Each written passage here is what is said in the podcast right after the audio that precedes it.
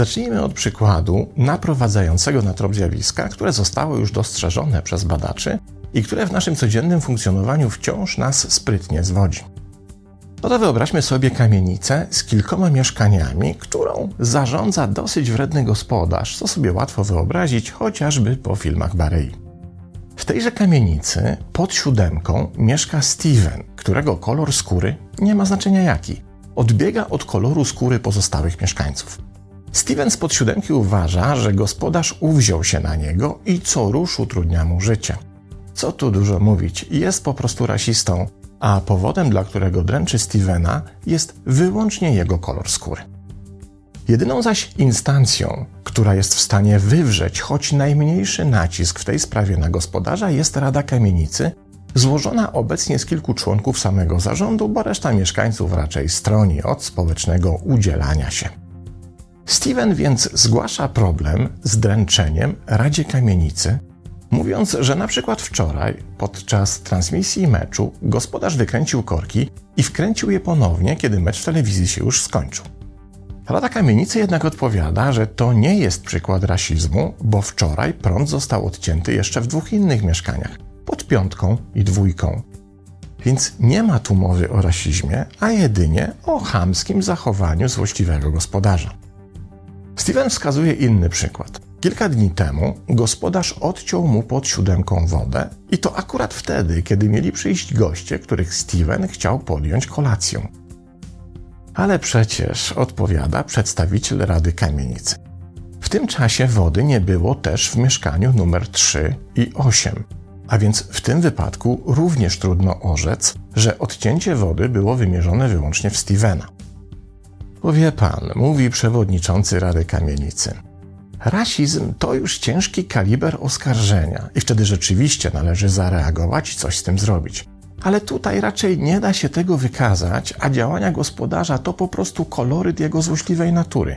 Taki po prostu jest. Hamski, czasem upierdliwy i uprzykrzający życie, ale z drugiej strony nie kradnie i pilnuje naszego wspólnego mienia i nie wymaga jakichś horrendalnych stawek. A wie pan, jak trudno teraz kogoś tak solidnego i w sumie niedrogiego znaleźć. A z tym prądem i wodą to pytaliśmy gospodarza i mówi, że to akurat nieszczęśliwy zbieg okoliczności i on nie jest w stanie przewidzieć, w którym mieszkaniu i kiedy nastąpi awaria. Czy już się orientujemy, na czym polega problem i jaką sprytną sztuczkę zastosował nasz miły pan gospodarz, by uniknąć posądzeń o bycie rasistą? co dla Stevena jest oczywiste i czego jednocześnie Steven nie zdoła udowodnić, bo nikt mu w jego diagnozę sytuacji nie chce uwierzyć. Sztuczka ta jest stara jak świat i niestety wciąż dajemy się na nią nabierać, a polega na tym, żeby zatuszować jakieś działanie negatywne i wymierzone w konkretną osobę, poddaje się temu negatiwnemu działaniu jeszcze inne osoby, co pozwala ukryć rzeczywistą intencję pierwotnego działania. Po czym postronni obserwatorzy tej techniki nabierają przekonania, że problem nie dotyczy wyłącznie pierwotnej intencji sprawcy, bo zostaje rozmydlony przez szerszą perspektywę. Kiedy negatywne działanie zostaje rozszerzone na większą ilość celów, to jednocześnie i paradoksalnie obniża to rangę działania wymierzonego w jeden cel, odsuwając od sprawcy podejrzenia które mogłyby wyjaśnić rzeczywistą przyczynę jego działania.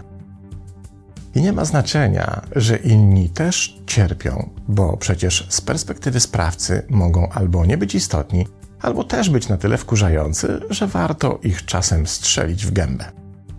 Ten mechanizm stał się przedmiotem badań i to w obszarach, w których, jak się okazuje, niestety najczęściej dajemy się mu oszukać, czyli w sytuacjach, w których nie potrafimy na przykład odpowiednio zdiagnozować seksistowskiego nastawienia mężczyzny do kobiety, bo jest ono ukrywane poprzez jego chamskie traktowanie również mężczyzn.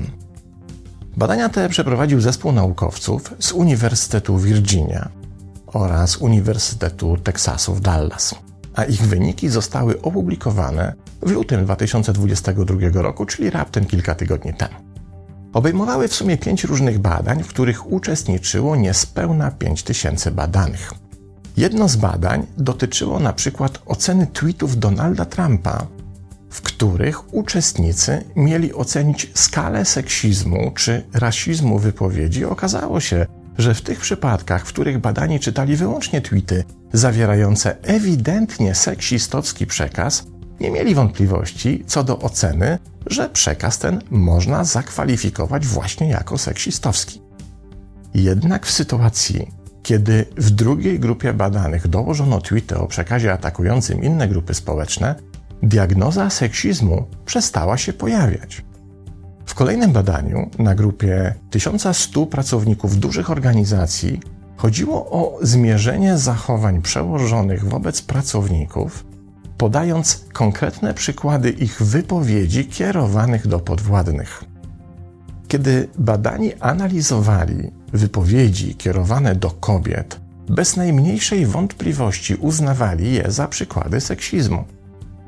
Kiedy jednak te przykłady były uzupełniane hamskimi wypowiedziami tych samych osób kierowanymi do mężczyzn, to w ocenie badanych termin seksizm w ogóle się nie pojawiał. Diagnozowali oni tego typu zachowania jako hamskie, grubiańskie czy niegrzeczne, ale już nie jako seksistowskie. W kolejnym badaniu uczestnicy najpierw wypełniali testy określające poziom ich nastawienia do zasad równych szans karierze zawodowej. Następnie zaprezentowano im autentyczne zachowania menadżerów kierowane do kobiet oraz do mężczyzn, by wskazali, którzy z menadżerów z takimi zachowaniami powinni ich zdaniem odbyć szkolenie z zakresu uprzedzeń płciowych. Nie dość, że jak w poprzednich badaniach w takich przypadkach z ocen znikał termin seksizm, to, jak mówią naukowcy, nawet najzagorzalsi przedstawiciele idei równych szans stawali się niewidomi płciowo i nie widzieli konieczności kierowania na szkolenie menadżera obrażającego kobiety w swoim zespole tylko dlatego, że ten sam menadżer był również chamski w stosunku do podwładnych mężczyzn. Jeden z autorów badań, profesor Peter Bellamy z Katedry Przywództwa i Zachowań Organizacyjnych Uniwersytetu Virginia, wskazuje na ważny pobadawczy wniosek. Mówi on, że kiedy seksistowski menadżer jest niegrzeczny również w stosunku do mężczyzn, może się wydawać, że nie jest seksistowski. W ten sposób kobietom, które padły ofiarą jego zachowania, trudniej będzie udowodnić, że były ofiarami seksizmu z jego strony, a to powoduje, że de facto hamstwo, bycie brutalnym i niegrzeczność może chronić sprawców przed odpowiedzialnością. Według pana profesora Belmiego w wielu organizacjach wciąż pojawiają się rażące, jednoznaczne i oczywiste formy seksistowskiego zachowania. A jednym z powodów ich uporczywości jest to, że ich obserwatorzy mogą nie zdawać sobie sprawy, że codzienne hamstwo może służyć jako wygodna maska dla uprzedzeń wobec kobiet. I to właśnie hamstwo, brak uprzejmości, a często wyłącznie sam brak taktu i empatii mogą tworzyć barierę w walce z seksizmem. Co więcej, mechanizm ten nie dotyczy w moim przekonaniu wyłącznie seksizmu, bo jak pokazały badania, jest obecny również w diagnozowaniu rasizmu czy dowolnych innych uprzedzeń, z którymi wciąż, i to na całym świecie, borykają się na przykład mniejszości seksualne czy wyznawcy religii, które w danym społeczeństwie nie są traktowane na równi z innymi, czy też z religią dominującą. Seksizm, rasizm, dyskryminacja nie znikają tylko dlatego, że towarzyszą im również ataki na przedstawicieli tej samej płci, koloru skóry, orientacji seksualnej czy wyznania co oprawca.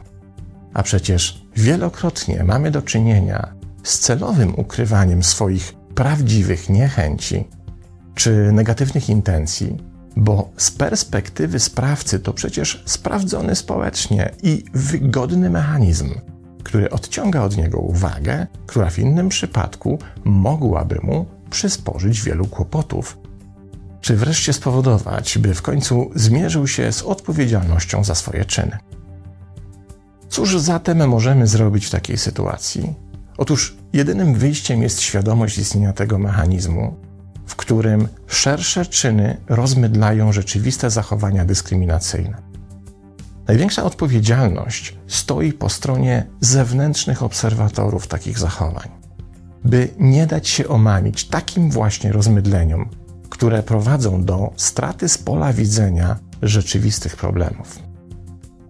Bo mizantropia nie wyklucza mizoginii czy mizoandrii, a już na pewno ich nie usprawiedliwia. Hamstwo i celowe upokarzanie osoby X nie staje się mniej krzywdzące czy niewymagające reakcji tylko dlatego, że osoba X nie jest w tym procederze jedyną pokrzywdzoną. Nasza dyskryminacyjna ślepota często oznacza dla sprawców bezkarność i trudno się dziwić, że przynajmniej część z nich z tego przywileju skwapliwie korzysta. Pozdrawiam.